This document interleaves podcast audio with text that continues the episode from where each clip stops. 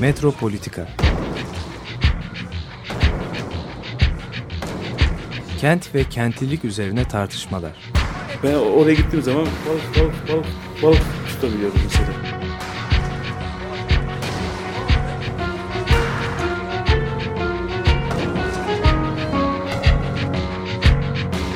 Hazırlayıp sunanlar Aysin Türkmen, Korhan Gümüş ve Murat Güvenç. Takusuyor ki. kolay kolay boşaltamadı. Yani elektrikçiler terk etmedi Perşembe Pazarı merkezinde. Merhaba sevgili Açık Radyo dinleyicileri. Bugün programımızda e, biraz e, dünya şehirlerini de kapsayan e, bir konudan bahsedeceğiz. Ben yıllardır üzerinde çalışıyorum. E, hala bitirmiş de değilim. E, bitebilecek gibi de değil. E, şehirlerin ihtişamı. E, onun üzerine konuşacağız. E, görkemi, spectacle e, İngilizce e, adı. E, ama hangi e, ihtişam? Neden bahsediyoruz tam olarak? Ee, özellikle modern şehrin e, ihtişamı. Ee, modern şehrin gelişmesinin ihtişamı. E, kapitalizmle iç içe olan, modernliğin de içinde olan kapitalist dinamiklerin parçası olduğu bir ihtişamdan bahsediyoruz. Bu e, aslında hani ihtişamdan dolayı da e, kentlere bakmaya başladığımızda kapitalizmin çok enteresan bir tarihi de ortaya çıkıyor. Yavaş yavaş o da çıkıyor hakikaten. Ee, biraz hani değiş, dünyanın değişik kentlerindeki ihtişamıma e, değinerek bugün bu konuyu e, anlatacağız. Ee, en, e, 1980'lere 90'lara 2000'lere kadar getireceğiz ve daha sonra Belki de biraz İstanbul'dan bahsedeceğiz. Yani bu ihtişamın neresinde İstanbul duruyor? Ee, başka bir programda da belki de sadece İstanbul'un ihtişamı, modern İstanbul tarihindeki ihtişam üzerinden de konuşabiliriz. Çünkü hakikaten e, spectacle üzerinden, ihtişam üzerinden kente baktığımızda daha önce görmediğimiz enteresan ilişkiler, enteresan dinamikleri de fark etmeye başlıyoruz. Şimdi Spectacle dediğimiz zaman tam olarak ne anlıyoruz? İhtişam dediğimiz zaman tam olarak ne anlıyoruz? Ee, özellikle Walter Benjamin'in ve e, Guy Debord'un ortaya koy, koymuş olduğu e, bir konsept e, şehirlerin e, urban spectacle yani kent ihtişamı dediğimiz zaman şehirlerin e, kendi dinamiklerinden daha çok daha ön, ö, ö, ön plana konulan imajları, e, bir e, marka olmaları, kendilerinin e, tüketim e, ekonomisi için kendilerini e, dinamiklerinden öte imajlar olarak yansıtmaları. Yani tabii bu e, oluşan o, o, bu o dönemin e, güç ilişkileriyle de çok bağlantılı. Yani e, devletler olsun, e, belediyeler olsun ve e, sermaye olsun. Bu kentin imajın, kentlerin imajlarını belirli şekillerde yönlendiriyor, belirli şekillerde oluşturuyor ve bir ihtişam e, yaratıyor.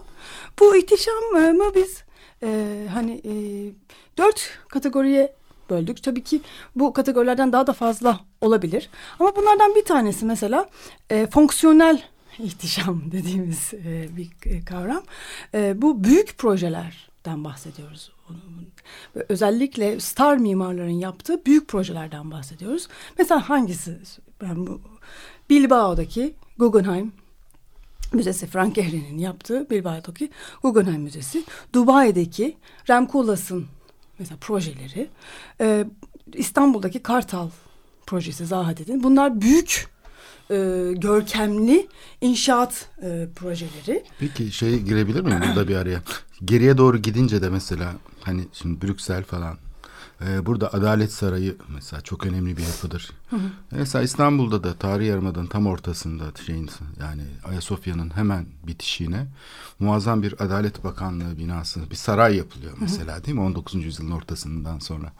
Ee, işte bu dediğin şey aslında bu kadar emek gücünü seferber ederek inşaat sürecini örgütlemek ve bu ortaya çıkan aslında kamu yapıları daha opera çok, binaları. Evet, daha çok kamu yapıları. Kamu yapılarıyla evet. başlıyor ama sonra giderek e, söylediğin gibi sermaye yapıları bunun arkasından Aslında diziliyor. yani 200 yıla baktığımız zaman devletle sermaye iç içe çalışıyor burada. Genelde öyle çalışıyor. Yani 1980'den sonra devletin gücü neoliberal devletin oluşmasıyla birlikte sermayeye doğru daha fazla bir kayış var ama her zaman iç içe. Yani bu, bunu hani atlamak çok zor. E, yani bu e, kamu sermaye e, birlikteliği, e, public-private partnership denilen olayın e, spectacle yaratmaktaki çok önemli bir fonksiyon e, e, gördüğünü söyleyebiliriz. Bunu bu fonksiyonel e, görkemin, ihtişamın yanında bir de e, dönemsel e, ihtişamdan bahsedebiliriz. Bu neden bahsediyorum? Büyük mega event dediğimiz çok büyük e, organizasyonlar. Bunlardan en önemlisi şu anda hani çok çok önemli hale gelmiş olan olimpiyatlar. E, bundan başka mesela Dünya Kupası şu anda çok önemli. Formula 1 çok önemli. Bir de dünya fuarları. E, Senin şimdi hep zaten altını çizdiğin.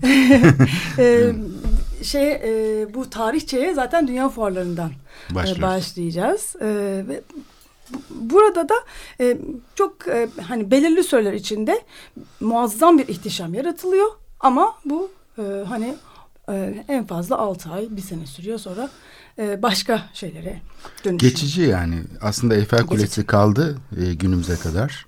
Aslında o da geçici tasarlanmıştı. Yani Tabii, tabii. Yükseklik olarak hani dünyanın en yüksek yapısı olarak. Bahsedeceğim ondan da. Evet, bahsedeceksin değil mi? Evet. Hı hı. E, bundan başka e, yaşam tarzının e, görkemi. E, bu da tamamen soylulaştırmadan bahsediyoruz aslında. Yaşam tarzının yani belirli bir mahallenin e, hani yavaş yavaş e, sanatçılar e, ve sermaye sahipleri tarafından e, şık bir şekilde e, dönüştürülmeye başlanmasından bahsediyoruz. E, çok ciddi bir e, fenomen e, günümüzde. Yani dünyanın neresine giderseniz gidin e, yani artık hani gentrification, soylulaştırmanın olmadığı bir alan görmüyorsunuz.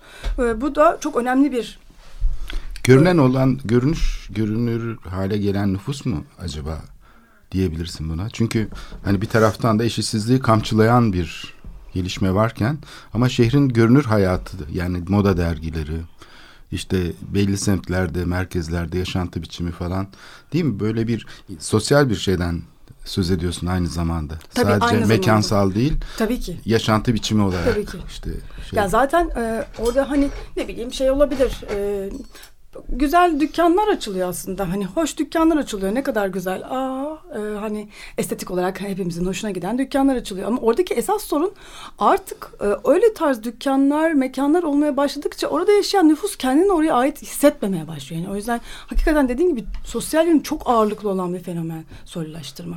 Yani orada gitgide kendini o, o, o insanların bir parçası gibi hissetmeme veya orada aşağılık kompleksi hissetmeye başlıyor. Yani o kadar parası olmadığı için o dükkanların hiçbir tanesinden hiçbir şey alamıyor. Oralarda yemek yiyemiyor. Yani e, hani ben birebir Galata'da bunu hani yaşamıştım bir belgesel çekme sürecinde. Yani oradaki çocuklar hani e, mesela Galata meydanında bile artık daha fazla durmuyorlardı. Küçücük bir dükkanda toplanıyorlardı çünkü hani mekan kalmadı. Hani büyük bir alan başka bir şeye dönüştü. Bundan başka bir de e, tarihi e, görkem inşa etme e, durumu var. Heritage spec- e, spectacularization e, dediğimiz bir şey. E, e, var olan mekanların restorasyonu e, ama daha çok olmayan mekanların rekonstrüksiyonu bu programımızda e, sıklıkla e, konuştuğumuz bir şey. E, bu şekilde e, şehirlere tekrardan bir e, hani kaybedilmiş olan e, görkemli yapıların tekrardan inşa edilme süreci. Yani bunun için de herhalde en iyi verebileceğimiz örnek neresidir? Taksim Gezi Meydanı'nda e, Topçu Kaşısı'nın yeniden inşa edilme projesi. Evet, söylemde de bunu görüyoruz. Yani mesela kültürel miras gibi kavramlar geçmişte hani var olan bir şeyin korunması falan gibi anlam kazanırken şimdi artık inşa etmek olarak anlaşılmaya başlandı. Mesela Beyoğlu'nun planlarında koruma amaçlı olunca bir dolu yıkılmış olan yapı korunma amacıyla yeniden inşa ediliyor. Sadece Taksim Kışlası değil mesela e, diyelim çok Beyoğlu. modern bir mimarlık eseri olan Namık Kemal İlkokulu'nun e, bahçesine bir cami yapılmaya çalışılıyordu. Çünkü orada bir cami varmış geçmişte. Şimdi bu e, hayalet yapıların bu şekilde canlandırılması e, doğrudan direkt koruma pratiğinin kendisi olarak adlandırılıyor. E, yani bu e, Berlin'de de var. Yani Fransa'da da var. Yani dünyada da gerçekten bilinen bir e, tarz yani. yani o da şaşılacak bir şey. Mesela e, birazdan bahsedeceğim. Londra'daki Kristal e, Saray e, çoktan yanmış kül olmuş. E, tekrardan yapalım diye bir proje var ve ciddi bir proje bu. Yani Şu anda mesela Kristal. Palace e, ama şeyin hani modern mimarlığın da aynı zamanda öncü yapılarından biri olduğu için gerçi Ama neogotik birebir aynısını bir yapalım yapıdır. demek Ee, İşte şimdi şimdi bazı şeylerde bu konuşulabilir. Şimdi şöyle bir şey var. Bu tabii hani bunu şart haline getirmek tuhaf. Mesela Londra'daki Globe Tiyatrosu. Globe Tiyatrosu Shakespeare'in oyunları acaba hangi tür bir mekanda sergileniyordu? Çünkü o zamanın tiyatro düzeni bugünkü tiyatro düzeninden farklı. Bu tamamen deneysel bir şeye de dönüşebiliyor. Yani şimdi Türkiye'dekiyle benzerlik kurup e, bu tip deneysel hani ama çok araştırmaları deneysel olduğunu düşünmüyorum Kristal Saray'ın tekrar inşa edilmesi. e tabii yani ona Ya bu- bakmak lazım tabii şeyini ben evet, bilmiyorum yani ama bu tartışmalar Evet. okey, yani e, hani e, bu programın konusu olan ihtişamla çok bağlantılı. Yani bir ihtişamı orada tekrardan yaratmak. O, yani çekicilik yaratmak ve o, dolayısıyla oraya turist çekmek, oraya insan çekmek, oraya hani e, oranın bir model şehir olmasını sağlamak. sağlamak. Aslında Meryem Ana evi gibi hani Efes'teki. Şimdi bu Paxton'ın yapısı sayeden bütün kitaplarda yer alır. Bütün mimarlık tarihi kitaplarının bir numaralı referansıdır. Yani mimarlık tarihi açısından yapılmadığını Evet. hissediyorum. Ama bu Kamber kadar bu Yani- böyle hissediyorum. eğer Kremlin'in taklidini yapıyorlarsa ya da bir sarayın falan e, bu Paxton'ın taklidini yapmak da hani e, sermaye açısından e, çekici bir yatırım. Çok çekici bir yatırım. Yani bir de hani hakikaten böyle bir e, hani parayı bu kadar hani mimarlık tarihini çok sevdikleri için harcama olasılıklarının olduğunu düşünmüyorum açıkçası. Yani böyle bir lüksü yok bence. Ama Bilbao gibi hani burayı yaptığı zaman mimarlar da akacak tabii ki. Hani orayı görmek için, tekrar bakmak için e, mimarlar da akacak. Hani aa, sanatseverler de akıyor Bilbao'ya. Aman da ne kadar güzel ama amaç zaten hani orada o ihtişamı yaratmak. Hani o yüzden ihtişam konusu çok enteresan bir sürü açılımla e, insana e, yol açıyor. Müthiş e, bir şey yaratıyor. Şimdi istersen bu tarihe biraz e, girelim. Hani tam e, tarihçesini de okudukça çünkü hani ihtişamın ne olduğunu daha iyi anlamaya başladım ben. E, tam olarak da anlayabilir miyim bilmiyorum. yani insan çalıştıkça daha zor anlamaya başlıyor bir konuyu. Aslında e, mekanların e, ihtişamlı hale getirilmesi, spektakülerizasyon dediğimiz olay aslında şehrin e, doğuşuyla başlıyor. Yani şehir olduğu andan itibaren e, spektaküler bir şekilde yaratılıyor. E, kırsaldan daha farklı olarak kent böyle bir şey. E, ve bütün tarih boyunca böyle bir hani e, spektaküler mimari, ihtişamlı, görkemli mimari çok önemli bir şey. Gücün sembolize edilmesi için. Ee, ancak Rönesans'la birlikte enteresan yeni bir şey başlıyor. Yani bu en önemli sembolü de bunun perspektif. Yani artık e, e, göz, e, reprezentasyon e, gösterme tekniklerinde e, temsil biçimlerinde farklı bir kontrol başlıyor. Bu domestize edilmiş yani e, ne denir ona terbiye edilmiş bir bakış açısıyla artık e, mekanlara bakmak başlıyor. Perspektifin çok önemli bir e, e, hani e, terbiye edici, düzenleyici bir işlevi var. E, bu Rönesans'la birlikte bu e, e, ticaretin de gelişmesiyle birlikte e, bu e, sponsorluk mekanizmaları işte e, se, e, e, bağımsız sermayenin gelişmesiyle birlikte sanat e, ve temsil biçimleri üzerinde sermayenin de çok ciddi kontrolü baş, başlıyor. Aslında mekan kavramı böyle icat ediliyor diyebiliriz. Yani Modern mekanı temsil edilen bir e, şeye dönüşüyor. E, Sürekli bir temsil statüsü kazanıyor. Temsil edilen statüsü. Yani kalıcı bir temsil edilen. Çünkü mekan üretimi içindeki birçok e, pratiğin aslında birbiriyle ilişkisi e, hiyerarşik değil. Ee, yani normal şartlarda birbirini resmedebiliyorlar, birbirinin yerine geçebiliyorlar. Yani bir e, taş işçiliğiyle ahşap arasında bir ilişki olabiliyor. Bir imge kendi üzerinde bir kere tekrarlanıyor. Yani bir sandalye yapan usta sandalyeyi ahşapta ahşap üzerinde o imgeyi tekrarlıyor, yeniden üretiyor vesaire. Ama bu söylemiş olduğun e, şeyle birlikte bir asimetri oluşuyor. Yani mekan kalıcı bir temsil edilen oluyor. Artık sandalye imgesi değil, sandalye tasarımı e, sandalyeyi bir temsil edilene dönüştürüyor ama aynı zamanda da onu yapan kişi bir temsil edilmeyene dönüşüyor. Çünkü artık temsil yetkisi sadece bunu tasarlayan mimarda veya tasarımcıda olmaya başlıyor. Hatta sahibi olan sembolik sermaye Sermayede. haline evet. geliyor. İki tür sermaye ortaya çıkıyor. Yani Evet. bir tanesi bu bilgi sermayesi. Şimdi bilgi her, herkes bilir. Mesela köylüler tarımsal bilgileri çok iyi e, şey yaparlar, biriktirirler. E, orman köylüleri ayrı biriktirir. E, ovada yaşayanlar başka biriktirir. Hayvancılık konusu başkadır. Ama e, bilgi sermayesi dediğimiz zaman o bilginin artık bu dediğimiz ilişkinin içinde üretilmiş olması gerekiyor. Aynı şekilde ekonomi sermayesi de yani hepimizin cebinde para vardır bilmem ama paranın artık bir e, tahakküm aracı olarak kullanılmaya başlamasını anlıyoruz. E, kapital e, kapitalizmden söz ederken.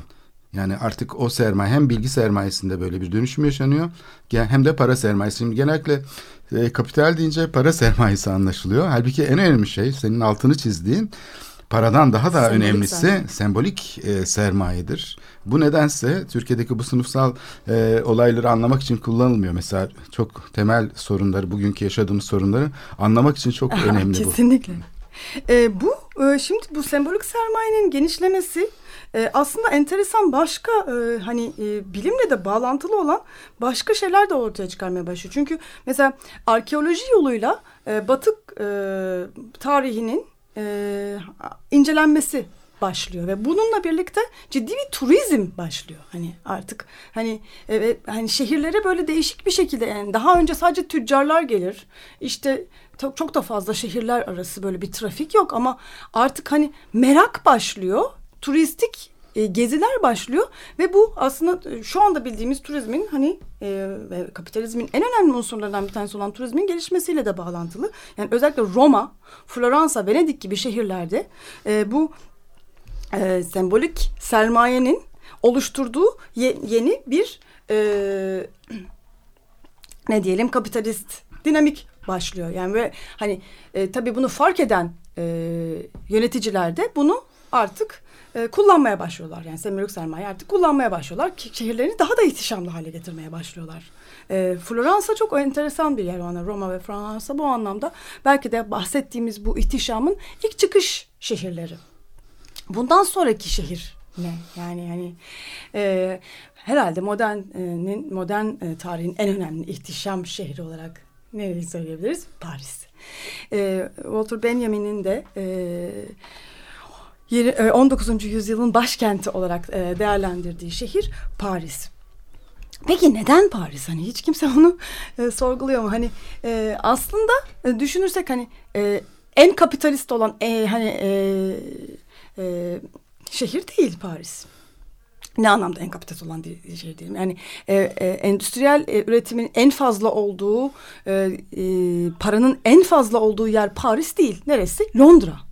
Yani o zaman dünya imparatorluğu, dünya kapitalist imparatorluğu İngiltere ise oranın başkenti Londra. Ama e, 19. yüzyılın başkenti olarak Paris, ihtişamın başkenti Paris. Neden bu böyle? Aslında orada tam da kapitalizmin içindeki enteresan yönetimsel bir şeyi fark etmeye başladım ben. Yani aslında burada hani sermayenin ne kadar güçlü olduğu değil.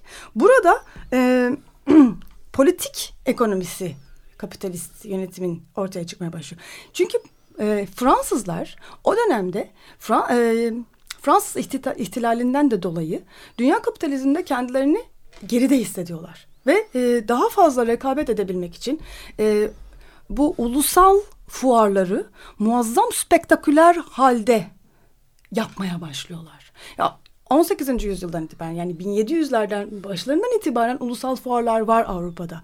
Amsterdam'da var, Belçika'da var. Bir sürü yerde oluyor. Ancak Fransızlar bu fuar e, olayını muazzam bir şekilde yapmaya başlıyorlar. Yani büyüleyici halde yapıyorlar. Yani daha yerel, hani daha küçük kapsamlıyken bir anda başka bir fenomene dönüşüyor ve bu da Paris'i başka bir hale dönüştürüyor. Yani Paris'e gelip artık bu fuara bakıp kendilerine model almaya başlıyorlar. Zaten ihtişamın en önemli kısımlarından bir tanesi de model oluşturması bir şehrin. Yani Bilbao da bugün bir model oluyor. İşte Barcelona'da bir model oluyor. Model oluşturmaya başlayınca ihtişamdan bahsetmeye başlıyoruz. Yani tam da o anlamda Paris bir model şehir haline geliyor. Burada çok önemli bir dinamikte. Yani Fransız ihtilaliyle çok bağlantılı bir dinamikte. E, bu ihtişamı yaratmanın bir sebebi de Napolyon döneminde e, Fransız ihtilaliyle oluşmuş olan politik e, kalabalıklar. Yani bu politik kalabalıklardan e, sürekli korkuluyor. hani her an e, ayaklanabilirler. Bu politik kalabalıkları yani burjuva da o anlamda aslında korkulan bir sınıf tabakası. Yani bugünkü e, burjuva gibi değil. Orada hakikaten ayaklanmış bir e, hani halk diye tabir ettiğimiz bir yani işçi sınıfı olduğu kadar burjuvadan da korkuluyor. Dolayısıyla hem burjuvayı hem işçi sınıflarını dönüştürmek için bu ihtişam çok önemli bir araç. E, Dolayısıyla hani bu bütün bu e, ulusal fuarlarla birlikte hem burjuva hem işçi sınıfı hem seyirciye hem de aynı zamanda tüketiciye dönüşmüş oluyor. Yani muazzam bir işlev görüyor aslında bu anlamda e, Fransız fuarları. Bu anlamda bu, bu arada tabii İngiltere'de e, hani bu rekabet içinde her zaman kendi hani birinciliğini öne koymak için ilk dünya fuarını İngiltere yapıyor. O demin bahsettiğimiz Londra'daki Kristal Saray. Evet Crystal Palace evet, saray. Paxton. Evet Paxton'ın yaptığı bu e, camdan e, e, yapılan muazzam büyük bir yapı. E, çünkü O dönemin en evet, ileri iki endüstriyel gelişme var. iki Cam. materyal var. Birisi cam, birisi çelik. Evet ve Bu bununla ikisini muazzam bir yapılıyor. evet. yapılıyor. Ee, şimdi bu bu da çok enteresan bir başka e, hani boyutunu götürüyor ki hani ben daha kolonyal tarafını hani bütün bu ihtişamın kolonyal tarafına hiç girmedim. Bir de çünkü yani Paris, Londra, işte Amsterdam'da ihtişam yaratılırken diğer yanda da kolonyal şehirlerde Rabat, Casablanca'da da bir ihtişam var. Yani bu kolonyalizm aslında Avrupa menşeli demek çok zor çünkü aynı dönemde bir sürü yerde enteresan enteresan kendini gösteren ihtişamlar yaratılıyor ama buraya pek giremeyeceğim daha üzerinde pek çalışamadım. Ee, bu yalnız İngiltere'nin e, hani e, kristal sarayla yaptığı şey e, kolonyal üretimin, kolonyal e, topraklarda da yapılan e, üretimin muazzam bir mimari içinde e, bütün e, rakiplerini sollamış bir şekilde kendini ihtişamla ortaya koyması. Peki şöyle bir şey burada hemen söyleyebilir miyiz? Kristal Saray aslında gözle ölçülemeyen bir yapı. Hem şeffaf olmasından dolayı. Çünkü sınırlarını tam anlamak da mümkün değil. Çünkü doğayla iç içe. Cam hem bölüyor hem birleştiriyor doğayla. Dolayısıyla böyle tuhaf bir malzeme. Yani bu açıdan zaten modern mimarlık tarihine girmiştir. Yoksa çok yenilikçi bir yapı olduğu için değil ama ilk defa yığma bir yapıdan çelik karkas yani ahşap karkas yapılar var tabii. Geçmişte de orta çağda da var ama çelikten bir yapının yapılması tabii. Bu çok büyüleyici bir şey. Bir de yapının sınırsız olması. Yani ölçülemez büyüklükte bir yapı. Tam da aslında kapitalist metafor için muazzam bir e, hani örnek o anlamda. Yani Kristal Saray üzerine sanırım bir program yapabiliriz. Yani hani o kadar çok şekilde okunabilir mi ki? Mikrokozmos diyebiliriz. Evet. Yani iç mi dış mı? Evet. Camın yarattığı şey bu. Çünkü Kristal Belirsiz Saray'ın içine sınırlar. girdiğin zaman aslında bir şehrin içine girmiş gibi oluyorsun. Evet. O kadar sınırsız, içi o kadar büyük ki. Aslında garlarda da mesela aynı ihtişamın yaratıldığını görüyoruz değil mi? Ee, Paris'in Evet. garlarında da o muazzam çelik strüktürler, büyük açıklık geçen, hiç bugüne kadar olmamış büyüklükler. Yani tamam kiliselerde falan büyük kubbeler, camilerde var. İnsanlar içine girdi mi kayboluyor. Kendisini e, bir e, küçücük bir şey olarak görüyor orada ama yani bu kadar e, yığma yapı teknolojisinden tabii şeye doğru geçildiğinde çelik yapı e, ölçek bir anda büyüyor. Ama bir yandan da hani e, camla birlikte düşünebiliyor musun? Yani o sınırsızlıkla birlikte masalsı yani gerçek değil aslında. Ger- yani gerçeği hani e, e, uzaklaştıran bir mimari bu aslında bir Evet, yandan da kristal düşünürsen. denmesinin nedeni de Evet, belki kristal bu. cam çünkü kristal değil. Kristal değil tabii içinde kurşun yok. Yani kristal camı üretmek için çok farklı teknikler kullanır. Kristal kesilir. Ama burada tabii camın büyük ölçekli üretimini sağlayan nedir? Şimdi daha önceki e, pencere camları hani biz burada Türkiye'deki dizilerde pek bunu görmüyoruz. Mesela sarayı gösterirken camlar hep bildiğimiz düz pencere camı oluyor. Halbuki bugün İtalya'da, e, Fransa'da, İngiltere'de falan korunmuş yapıların camları o eski üretim teknikleriyle üretilmiş camlardır. Yani böyle küçük parçalardan oluşur. Arada kurşun bağlantıları olur falan. İlk defa bu kırılıyor. Yani daha önce şişirme yöntemiyle ya da çevirme yönetemiyle ya da ezme yöntemiyle elde edilen yarı opak camlar var pencerelerde kullanılan. İlk defa çekme cam teknolojisine geçiyor Fransızlar ve İngilizler. Yani şeyin mesela çok önemli Pilkington kardeşler vardır İngiltere'de. Bunlar e, camı ilk defa yani bu şişirme camdan e, çekme cama geçiyorlar. E, sonra da kalay üstüne akıtma e, tekniği elde ediyorlar. Saint Gobain vardır. Fotoğraf belki görmüşsündür. Mimarlık tarihi kitaplarında vardır. Bir tane cam üretiyorlar böyle 4 metre, 6 metre falan ve bununla övünüyorlar. Biz böyle bir cam ürettik diye. Yani bir şey değişmeye başlıyor. Sanayi e, şeyi değiştiriyor ölçekleri. Sınırsızlaştırıyor. Yani bu hani bu metaforlar ve bu ihtişamın yaratılması da e, şey çok için çok önemli. Yani kapitalist üretim, kapitalist sermaye ilişkileri aslında her zaman e, e, kendi meşruiyetini de hani ihtişamla sağlıyor. E, bu hani Kristal Saray'da o anlamda bu meşruiyeti göstermek yani hani biz tamam hani bir sürü çünkü Londra da o anlamda hani e, Engels anlatıyor, Marx anlatıyor. Aslında muazzam bir sınıf e, eşitsizliğinin olduğu, insanların hani e, üretim yüzünden öldüğü, hani bugün bizim madenlerde olan şeylerin e, benzerinin yaşandığı durumlarda hani burayı burayı meşru hale getirmek için hani e, hani Kristal Sarayı yapmak durumunda. Yani o felaketi hazırlayan bir yapı aslında. İşçilerin kömür madenlerinde o camı eritmek için e, çalışmaları demek. Kömür madenlerine girmesi demek. Ve o zamanın koşullarında aynı şimdi bugünkü Türkiye'deki gibi çok sayıda kaza oluyor madenlerde. Yani şimdiki Avrupa'daki madenler gibi değil e, ya da başka yerdeki. Dolayısıyla e, büyük bir felaketin aslında aklanmasını sağlayan bir Aksaray yani belki Kristal Saray demeyelim ona Aksaray demek lazım. Aklama sarayı çünkü.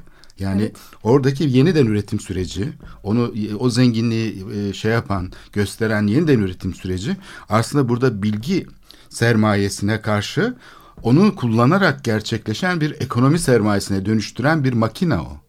Yani bilgiyi mak- şeye çeviren, ekonomiye çeviren. E, çünkü aslında bir yeni teknoloji var, yeni bir mimarlık tarzı var falan ama bunu alıp ekonomi sermayesinin gücü haline getiren e, bir şey e, tapınak. Sonuçta bir tapınak. Evet, yani tapınak. Ta, tanrı evet, yeni tanrı. Yeni tanrı. Tanrının yeryüzüne inmiş hali aslında evet. onu yapanlar. Çünkü tanrılar genellikle yeryüzüne temas etmediği sürece pek fazla zarar göstermezler. işçileri madenlere sokmazlar. Ama tanrıların yeryüzüne inmesi sahiden yani Vahim oldu. Evet, tehlikeli bir şeydir. Bu bütün din kitapları bunu yazar. E, bu Kristal Saray yalnız hani 6 ay sonra aslında e, dekonstrükte ediliyor yani e, yok oluyor bitiyor tekrardan başka bir yerde yapılıyor aynı yerde değil başka Taşıyorlar bir mı? E, başka bir yani yıkıyorlar tekrardan başka bir yerde yapılıyor ama o da e, programın başında da bahsettiğim gibi yanıyor. Şimdi tekrar işte. Nasıl yanar cam ve çelik? Ha içindekiler yanıyor tabii şey e, herhalde. Onu bilmiyorum hmm. ama yani yani şu anda yok. Hı Onu onu e, biliyorum. E, bir, bir süre oldu onu okuyalı. E, başka bir dünya fuarında demin Deneniyor. 1889'da bu sefer e, Fransız Dünya Fuarı'nda Eyfel Kulesi e, yapılıyor. Herhalde dünyanın en büyük e, spectacle'ı diyebiliriz. İhtişamı, görkemi. Evet noktayı koyuyor yani Fransızlar evet. Eyfel Kulesi'ni yaparak Bu arada, siz, yani, siz mi Kristal Sarayı yaptınız? Evet. ama ama yani hani Kristal Saray kadar bile fonksiyonu olmayan, hiçbir fonksiyonu olmayan bir... Zero fonksiyon. Evet ama dünyanın en önemli mimari yapısı. Yani ve sonradan üstüne bir radyo ve televizyon tabii sonra Onlar yani kondu ama sonra sonra yapıldı tarihten tabii ne radyo var ne televizyon. 100 yıl sonra neredeyse yani evet. düşünebiliyor musun? Yok 150 sene sonra Hı. falan yani hani e, gereksiz bir şey hani ama hani, o anlamda da spectacle'ın nasıl işlediğini hani ne kadar önemli gereksiz de, yani fonksiyonel açısından açıdan gereksiz ama en önemli şey yani Paris'i Paris yapan şey hani insanlar Eyfel Kulesi'ni görmeye hala daha Paris'e gidip onun tepesinde eğleniyorlar. Hani enteresan şeyler yapıyorlar. İsterseniz burada kısa bir müzik arası verelim. Offenbach'tan dinliyoruz. Ee, görkemi biraz hissetmek açısından Kankan. Evet,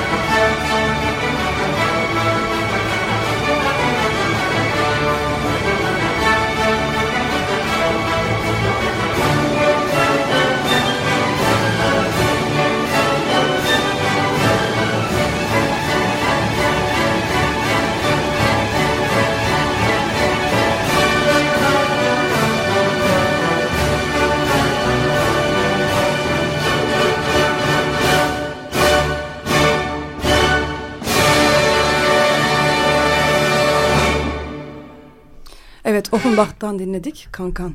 Ee, şehrin gör görkemini konuşuyoruz. Şehir e, ihtişamının, e, modern şehir ihtişamının oluşma dinamiklerini e, anlatıyoruz bu programda.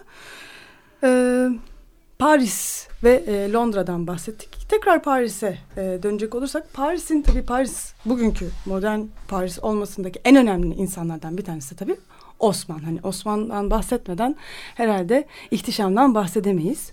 E, dünyanın en önemli e, şehir e, Urban Regeneration e, kentsel dönüşüm projesini e, gerçekleştiriyor Osman. E, şehri güzelleştiriyor. E, yani Bugünkü düşünebileceğimiz belki İstanbul'daki şu anda hani düşünülen planlanan kentsel dönüşüm projesiyle karşılaştırılabilecek ölçekte inanılmaz büyük bir proje. Yani bugün Paris'e gittiğiniz zaman zaten onu hissediyorsunuz. Ben hani gitmemiştim Paris'e ilk okumaya başladığımda gittiğim zaman şok oldum yani. Hakikaten bütün Paris baştan yaratılmış. Evet yani Paris aslında bir tarihi şehir değil. Tek defada Kesinlikle sanki değil. tasarlanmış. Tek Ve kerede aslında yapılmış ne kadar bir neoklasik modern bir şehir tabii. Yani neoklasik 19. E, yüzyılın e, hayali yani öyle yaratılmış bir şehir. Ve e, onu David Harvey'nin harika bir e, Paris kitabı var. E, o da 19. yüzyılın başkenti Paris diye yani benim çok benzer bir e, başlıkla Paris'i tarihini anlatıyor. Bu girişim de muazzam spekülatif ve riskli bir aslında e, gayrimenkul e, projesi. E, zaten batıyor Hani evet. Çok sayıda da eleştiri var. Muazzam yani bütün yani nasıl Eyfel Kulesi'ne e, eleştiriler varsa Baron Osman'ın bu operasyonuna karşı neredeyse bütün Paris entelijansiyası e, karşı duruyor. Yani, yani şehri yok ediyor çünkü. Yani evet. e, Baudelaire'in hani bütün o melankolisi e, Osman'la bağlantılı. Şehrin e, elinden kaymasıyla bağlantılı. Ee, hani e, Baudelaire'in bahsettiği hani vitrinden bakan o e, hani Paris bulvarlarında vitrinden bakan e, fakir işçiler bile artık gelemez hale geliyor yani o kadar hani muazzam bir sınıfsal hani sınırlar koyan bir e, ideal bir şehir projesi. yaratma e, şeyi düşüncesi günümüzde de hala devam ediyor tabii ki. Yani aslında işte zaten Osman o anlamda spektaküler bir model e, hem e, bir belediye başkanı için hem şehir planlamacılar için hem kendisi de bir model oluşturuyor yani aslında bence e, 20. yüzyılın e, bir sürü şehir planlamacısı özeniyordur yani Osman'ın. Tabii çok etkili oluyor. Osman ayrıca İstanbul'a da gelmiş. Bir sene İstanbul'da geçirmiş e, 6. daire kurulduktan sonra gerçekleşen birçok şeyde belki parmağı olabilir. Çünkü bu tramvay yolları açılırken, İstiklal Caddesi falan açılırken e, ciddi bir şekilde sermayedarlarla işte 6. daire işbirliği yaparak e, bu dönüşüm sağlanmış. 1900'de e, Paris'te tekrar çok büyük bir dünya fuarı. E, bu, bu da yani dünyadaki bir sürü insanın aklına kazanacak derecede önemli, ihtişamlı bir şekilde yani e, o dönemin hani Belle Epoque e, dönemini e, e, simgeleyen bir fuar düzenleniyor. Burada e, dünyadaki en önemli bir gelişme oluyor. İkinci e, olimpiyatlar, modern olimpiyatlar bu fuarda gerçekleştiriliyor. İlk Atina'da. 1896'da. İkincisi 1900'de Dünya Fuarı'nın bir parçası olarak olimpiyatlar düzenleniyor. Hmm. Bunu da ben yeni öğrendim. O da ilginç aslında. Hani e, ve dünya fuarları e, olimpiyatlardan çok daha önemli. Yani bugün bizim e, düşündüğümüz olimpiyatlar kesinlikle o zamanki ihtişamında değil. Dünya fuarı o ihtişamda. Olimpiyatların ihtişamlı hale gelmesi 1936 Berlin olimpiyatları ile oluyor. O yani, e, Berlin aslında dünyaya olimpiyatlarla hani o anlamda ihtişamlı kent olarak ortaya e, çıkıyor. E, bu e, ihtişamın iki tane e, sebebi var e, o, ve 1936'dan sonra olimpiyatlar e, dünya fuarlarından daha önemli hale gelmesinin iki tane sebebi var. Bir tanesi e, televizyonda gösterilmeye başlanması ve e, medya e, e, medya boyutu olarak dünyanın en büyük medya e, etkinliği, etkinliği Hı. olarak e, 1936 olimpiyatları düzenleniyor. Onunla ilgili zaten filmler falan dünyaya yayılıyor. Herkesin yani hayalinde 1936 Berlin var. Hani dünya yani dünyasal bir e, spectacle, ihtah, ihtişam yaratıyor Berlin Olimpiyatları. İkinci bir sebebi de e, e, 130 metre e, hektarlık e, bir olimpiyat parkı yani inanılmaz büyük hem spor hem kültür e, merkezi inşa ediyorlar e, Almanlar E, ve e, hani e, o döneme damgasını vuruyor. Yalnız burada enteresan bir şey var. Yani hani 1800'lerin dinamiklerinden farklı olarak 1900'lerin dinamikleri özellikle 30'lar 1930'lardan bahsediyoruz.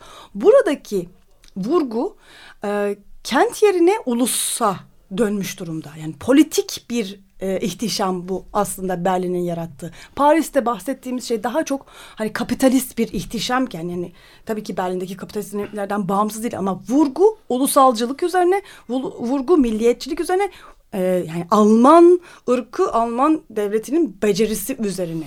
Almanlar ben neymişim diyecek görünce kendisini olimpiyatlarda. Aynen. Ee, ve dünyada Almanlar neymiş uf diyecek. Diye ki di- denildi de yani hani o dönemlerde denildi. Hala daha hani o Berlin Olimpiyatları yani e, yapılan film bile bugün e, dünya tarihindeki dünya film tarihinde önemli bir film olarak Rine e, tam hatırlayamayacağım. E, bir kadının yaptığı filmler dünya tarihinin en önemli filmleri olarak geçiyor. E burada bir küçük bir parantez gene. Ben böyle şeyleri e, çağrışımlarla e, şey yapıyorum, anlayabiliyorum. Mesela bu şeylerin kamusal alanda gerçekleşen bir şey aslında aynı zamanda da olimpiyat. Yani bir kamu yatırımı gerektiriyor. Bugünse öyle bir kamu ortalıkta pek yok. Ona geleceğim. Ha, tamam. İstersen Ama ona öncesinde çünkü bundan sonra neredeyse sadece hani belirli bir Anladım. şeyde olimpiyatlardan Ee, bahsedeceğim. şeyde çünkü bu çağrışım şurada sadece bende yaptı. Yani aslında gezi o düzenlenmesi bir olimpiyat e, şey değil ama bir fuar alanı gibi düzenlenmiş bir alandır aslında gezi. Yani gezinin içine çok amaçlı salonu koymak, onun içine tiyatroyu koymak, stadyumu koymak yani bütün bu Taksim'den başlayıp Şişli'ye kadar olan bölgeyi bu yeşil alanı düzenli, düzenlendiği zaman Fuarlanını demek çok zor. e, ama e, ama alışveriş işte merkezi. benim yani şeyi e, farklı. var aslında programında sergi ve fuar, spor ve sergi mesela ama yan kalıcı. yana. Yani fuarlar ve olimpiyatlar kalınca değiller. İşte bu da kalıcı değil. Buraya mesela benim çocukluğumda böyle şeyler Ama gelirdi. alan sergi alanı olarak kalıcı. Ha gezinin yapılması diyorsun. Evet, evet. 1930'larda gezi e, şey, Yapılırken kompleksi. Ben evet, o Gezi kompleks, Parkı'ndan Ha bahsediyorum. yok. Bütün o kompleksin içinde sergi etkinlikleri oluyor. İşte ne bileyim uzay şeyi olduğu zaman bile ilk hani uzay şey Mekiği dünyayı dolaştırıyor Amerika ve kendisine dost ve müttefik bir e, şey yaratıyor, ambiyans yaratıyor diyelim. O mekik mekik değil de işte kapsül mesela Taksim'de sergilendi mesela benim çocukluğumda. Yani aslında o kışlanın dönüşümünde de o şeyler vardır. İşte balon uçurmalar oradan falan gösteriler yapma spor şeyine dönüşmesi falan. Ya sporla bu sergi yan yana e, bizzat sarayı olarak spor ve sergi sarayı olarak İstanbul'da inşa edilmiş. İstanbul'un en büyük yapılarından biri o zaman. E, dediğin 5000 gibi kişi gerçekten alıyor. hani Berlin Olimpiyatları o hani e, kültürlü, medeni, Avrupa'yı, sağlıklı genç e, şeyini hakikaten Taksim e, şeyinde de görebiliyorsun. Yani Türk ulusunun evladını yetiştirmek için bütün kurumları Taksim'e yerleştirmiş 1930'larda. Ya bir de şöyle bir söylem ka- var. Aynı İşte e, biz ne güzel işte orada yürüyüş yapardık falan. Hepimiz bütün vatandaşlar eşitlik içinde, Eşitlik içinde. falan. Kadın Ama eşit. dadılar da işte bizi gezdirirdi. Hizmetçilerimiz de bize şey yapardı diye böyle bir söylem de var. Ee, konuşan böyle orayı anlatanlar hani eski kendi içinde aslında çelişiyor değil mi? e, oksimoron bir söz şeyi haline geliyor. Yani eşitlik içinde bütün vatandaşlar burayı kullanabilirdi. Ama dadılar- Hizmetçilerimiz de arkamızdan bizim işte kazağımızı getiriyor. Aman üşüme akşam oldu gü- güneş gidiyor falan diye böyle çocukluk anıları anlatanlar var. Şimdi e, aslında onu, o 20. yüzyıla geldiğimizde hani 20. yüzyılın çok ciddi bir e, hani kesiminde aslında kent önemini kaybediyor. Yani İstanbul'un da önemini hani e, Ankara'ya göre kaybetmesi gibi. E, kent yerine ulus çok ön planda e, yani ve ulus devlet e, politikaları, ulusçuluk, milliyetçilik e, çok önemli ve bu hani e, soğuk savaş döneminin bitimine kadar da e, çok önemli. 1960'larda tekrar kentle ilgili hani bir düşünmeye başlanıyor. Kent tekrar bunun da en önemli şeylerden bir tanesi Guy Debord. Yani e, bir anda e, bu şehir görkeminden bahsediyor. Aslında hani e, hani Paris'ten bahsettik, 1900'lerden bahsettik. Sen İngilizce okuyorsun tabii. Ee, ben de Evet. Fransızca okuyacağım. Gü, Gü de Debord diye ama e, evet. Ben bir türlü Fransızcayı be- İngiliz ben de tam tersi. Ee, ama e, güzel Debord. oluyor. Ee, böyle çünkü bir kalıp o da. e, haline geliyor.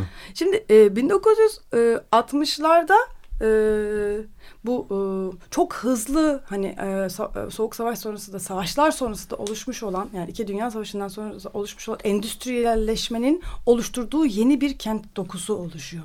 Yani bu kent dokusunda da şöyle bir durum var. Yani e, tabii ki e, İstanbul'da da olduğu gibi çok ciddi bir göç var kent kente. E, ama kent bunu e, kaldıramadığı e, sürece e, bu sefer kentsel e, hani çözüm olarak e, kentin çeperlerine yüksek katlı binalar e, inşa etmek. Fransa'da böyle oluyor. Amerika'da biraz daha farklı oluyor ama hani bu e, bir şekilde kentin e, merkezi gitgide e, önemini kaybetmeye başlıyor ve suburbanization bu çeperlere dağılma ve orada e, hani e, yüksek katlı sosyal konutların inşası dönemi başlıyor. Kentin ve burada da Le Corbusier'in çok büyük etkisi var tabii ki. Yani bir, bir sürü şehir planlama e, pratiği. Le, Le Corbusier'in o yüksek katlı binalarından bugün Halkalı'da e, birebir örneğini görebileceğimiz tarz e, binalar yapılıyor. E, Debor buradaki bu e, şehrin e, bu muazzam soyutlanması e, hani hem yabancılaştırılması hem de soyutlanması ka- kavramına karşı e, bu e, Society of the Spectacle e, gösteri toplumu e, konseptini ortaya atıyor. E, burada çünkü e, hani şehri oluşturan e, unsurlar insanlar şehrin çeperlerine daldıkça şehrin ortası şehrin merkezine gösteriş e, için tüketim için e, yapay binalar konuluyor. Veya işte Alman, Amerikan şehirlerinde de gördüğümüz gibi şehrin oto, otoyollarla e, hani düzenlenmesi ve bu otoyolların kenarında değişik alışveriş merkezlerinin inşa edilmesi süreciyle şehrin e, hani Baudelaire'de hissettiğimiz, Benjamin'de hissettiğimiz o e, dinamiğinin e, kaybolmasına karşı Debor'un bir isyanı aslında. Situa, situa, situa, Situasyonistler mi? Evet, sen daha iyi söyledin. Ve e, hani mekanın bu arada hani e, soyut hale gelmesine karşı bir tepki Deborah'ınki. Şimdi e, biraz az zamanımız kaldı ama hızlıca aslında en önemli hani bizi en çok ilgilendiren bugüne e, geldiğimizde yani 1980'lerden itibaren endüstrileşen şehrin de-endüstrileşmesi e, dönemi e, başlıyor. Yani ulusal o e, e, e, heavy industry dediğimiz e, büyük endüstrilerin yerine bu sefer e, dünya çapında e, e, üretim yapan büyük şirketler, uluslararası şirketler e, önem kazanmaya başlıyor. Yani uluslar ulus devlet biraz geri çekiliyor ve bu şirketler e, ön plana gelmeye başlıyor. Bu şirketler uluslararası platformda üretim yapsalar da e, merkezden bu üretimi kontrol etmek durumunda hissediyorlar. Saskia Sassen'in bahsettiği fenomenden bahsediyorum. E, ve dolayısıyla belirli şehirlerde e, servis e, ve e, e, yönetim e, ağlarını e, konsantre etmek durumunda kalıyorlar. En, bu ilk New York, e, Londra ve Tokyo'da başlıyor. Frankfurt'ta başlıyor. Yani 4-5 şehirde başlıyor. Yani bakılıyor ki artık bu şehirler çok önemli hale gelmeye başlamış. Dünya şehri olmaya başlamış. Ve e, bu şehirleri başka şehirlerde takip etmeye başlıyor. Yani bir sürü dünyanın çeşitli ım, e, alanlarında yani mesela Orta Doğu'da. Özenilen bir ortak davranış haline gelmeye başlıyor değil mi şehirlerin bu Özenmek şekilde değil yani bu biraz çekici olması yani işte çalışanlara işte e, bu şey biraz sağ- kendiliğinden oluyor diye anlatıyor Sassen. Yani Sonrasında ama bir şey var bir hani hep söylenen bir şey. Sonrasında işte Evet. bu hani İkinci e, bir dalgada öyle uluslararası şirketleri belirli şehirlere çekmek için şehirler arası muazzam bir rekabet başlıyor. Yani bu İstanbul'daki Dala'nın e, aslında İstanbul dünya şehri hale getirme projesi de bununla bağlantılı. Yani bu yani bu rekabet içinde İstanbul'u da hani öne çıkarmak için e, bu sefer e, birbirleriyle hani çok e, hani, e, hem birbirlerinden destek alıyorlar çünkü hani e, bir sermaye akışı da çok önemli hem de rakip oluyorlar. Burada en önemli konulardan bir tanesi olimpiyatlar aslında. Hani çok enteresan bir şey oluyor. 1984 Los Angeles olimpiyatlarında yepyeni bir e, model deneniyor. Sponsorluk mekanizmalarıyla bütün e, Los Angeles olimpiyatları finanse ediliyor. E, yani bu büyük e, e, organizasyonların sponsorluk e, yoluyla finanse edilmesi durumunu keşfediyor şehirler. E, Los Angeles büyük bir başarı elde ediyor bununla. Yani daha önce Montreal batıyor çünkü olimpiyatları yaparak ve Los Angeles e, hani Montreal'e rağmen e, bırakın hani batmayı ciddi bir kar elde ediyor ve hani her e, belediye başkanı da e, Los Angeles'ı hani e, model olarak görmeye başlıyor. Çünkü e, bütün e, Amerikan devletinin yardımı da kesiliyor. Yani tamamen yerel olarak sponsorluk mekanizmalarıyla bu finanse edilebildiğini kanıtlamış oluyor Los Angeles Olimpiyatları. Ve bir yandan da Los Angeles'ı bir marka şehir haline getirmiş oluyor. Yani global bir gene ihtişam yaratmış oluyor bu olimpiyat hazırlığı. Şimdi e, bu, hani bir şey dönüşmeye başlıyor. 80'lerle birlikte hakikaten hani şehirlerde farklı bir anlayış başlıyor. Bir defa devlet yardımları kesiliyor. Hani sponsorlukla başka türlü finans kaynaklarıyla şehirler kendi başlarına e, kaynak yaratmak durumunda kalıyorlar.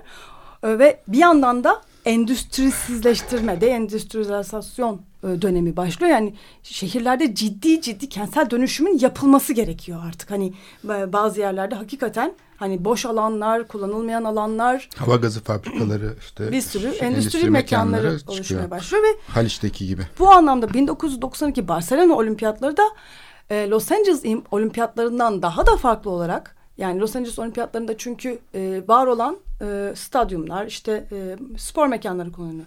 Barcelona'da bunların hiçbir tanesi olmamasına rağmen muazzam bir e, uzun süreli bir e, programla Barcelona baştan yaratılıyor. Ve özellikle bu sahil projesi e, dünyanın en önemli e, model sahil projesi olarak e, düşünülüyor ve Barcelona çökmüş bir endüstri kentiyken bir anda sanat ve kültür merkezi haline getiriliyor. Dolayısıyla Barcelona bugün hani herkesin gıptayla baktığı, bütün belediye başkanlarının gıptayla baktığı bir yer haline geliyor. Küllerinden yeniden doğru. Küllerinden yeniden. Yeniden yaratılıyor. Evet. Bir başka e, yani şimdi Katalanlar bunu yaptı biz biz eksik kalır mıyız diyen Basklar da bunu Bilbao'da yapıyorlar. Gene çökmüş bir endüstri kenti olan Bilbao'yu Frank Gehry gibi bir e, e, dünya starı bir e, mimar dünyanın en önemli hani starı o dönemde bir mimarla e, Guggenheim Müzesi'ni yani e, global franchise e, ne deniyor franchise'ın e, franchise'ını yani New York'tan getiriyorlar. E, ve e, Bilbao'da kuruyorlar. Diyelim. Şubesini evet. açıyorlar. E, ve e, hani e, Barcelona ve Bilbao iki tane e, İspanyol demek de yani yanlış olarak biri Katalan bir İspanyol e, doğru söyle evet e, e, mekan e, dünyanın en önemli ihtişamlı e, kültür, sanat, kent e, programları olarak model haline geliyorlar. E, bir tek hani burada ekleyeceğim zamanımız çok azaldı.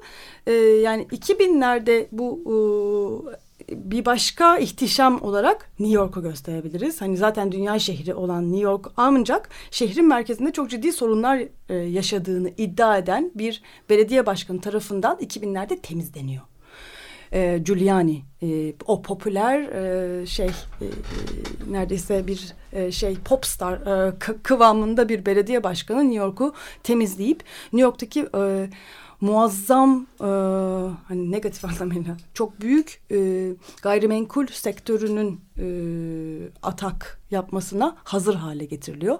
Her beş New Yorklu'dan bir tanesi hapise konuluyor. E, Brooklyn'de gerçekten hani acı, acıklı durumlar vardı. Hani ben 2000'de oradaydım.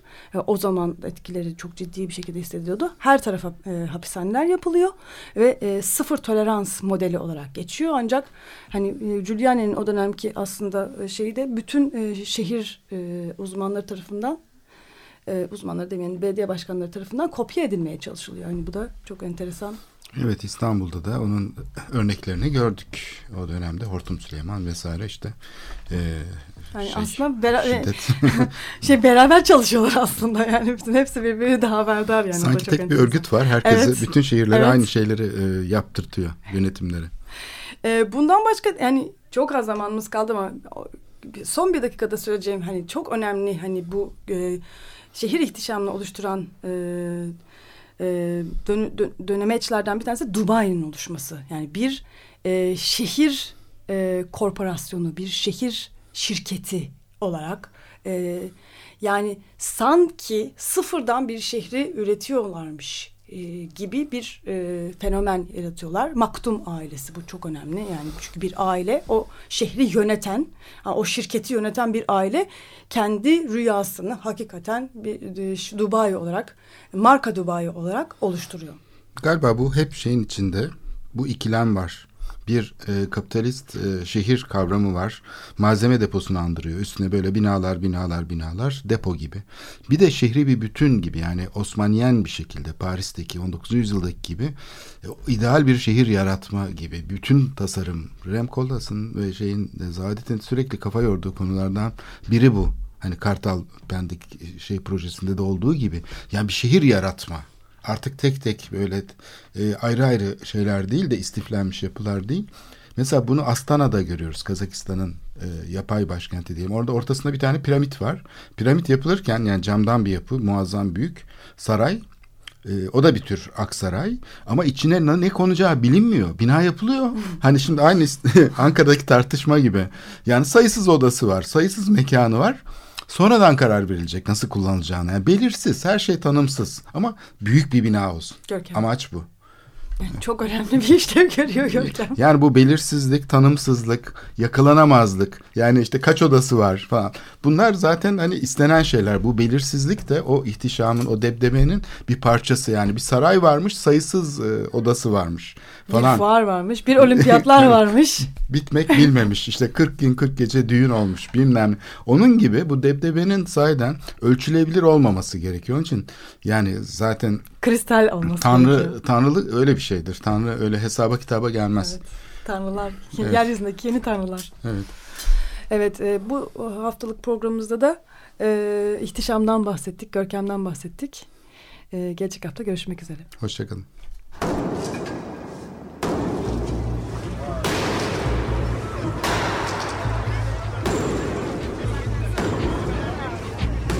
Metropolitika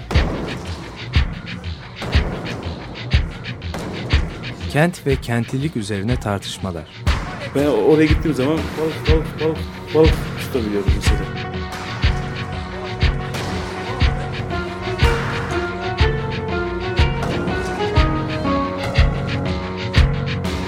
Hazırlayıp sunanlar Aysin Türkmen, Korhan Gümüş ve Murat Güvenç takusu yok yani. Kolay kolay boşaltamadı. Yani elektrikçiler terk etmedi Perşembe Pazarı merkezinde. Açık Radyo program destekçisi olun. Bir veya daha fazla programa destek olmak için 212 alan koduyla 343 41 41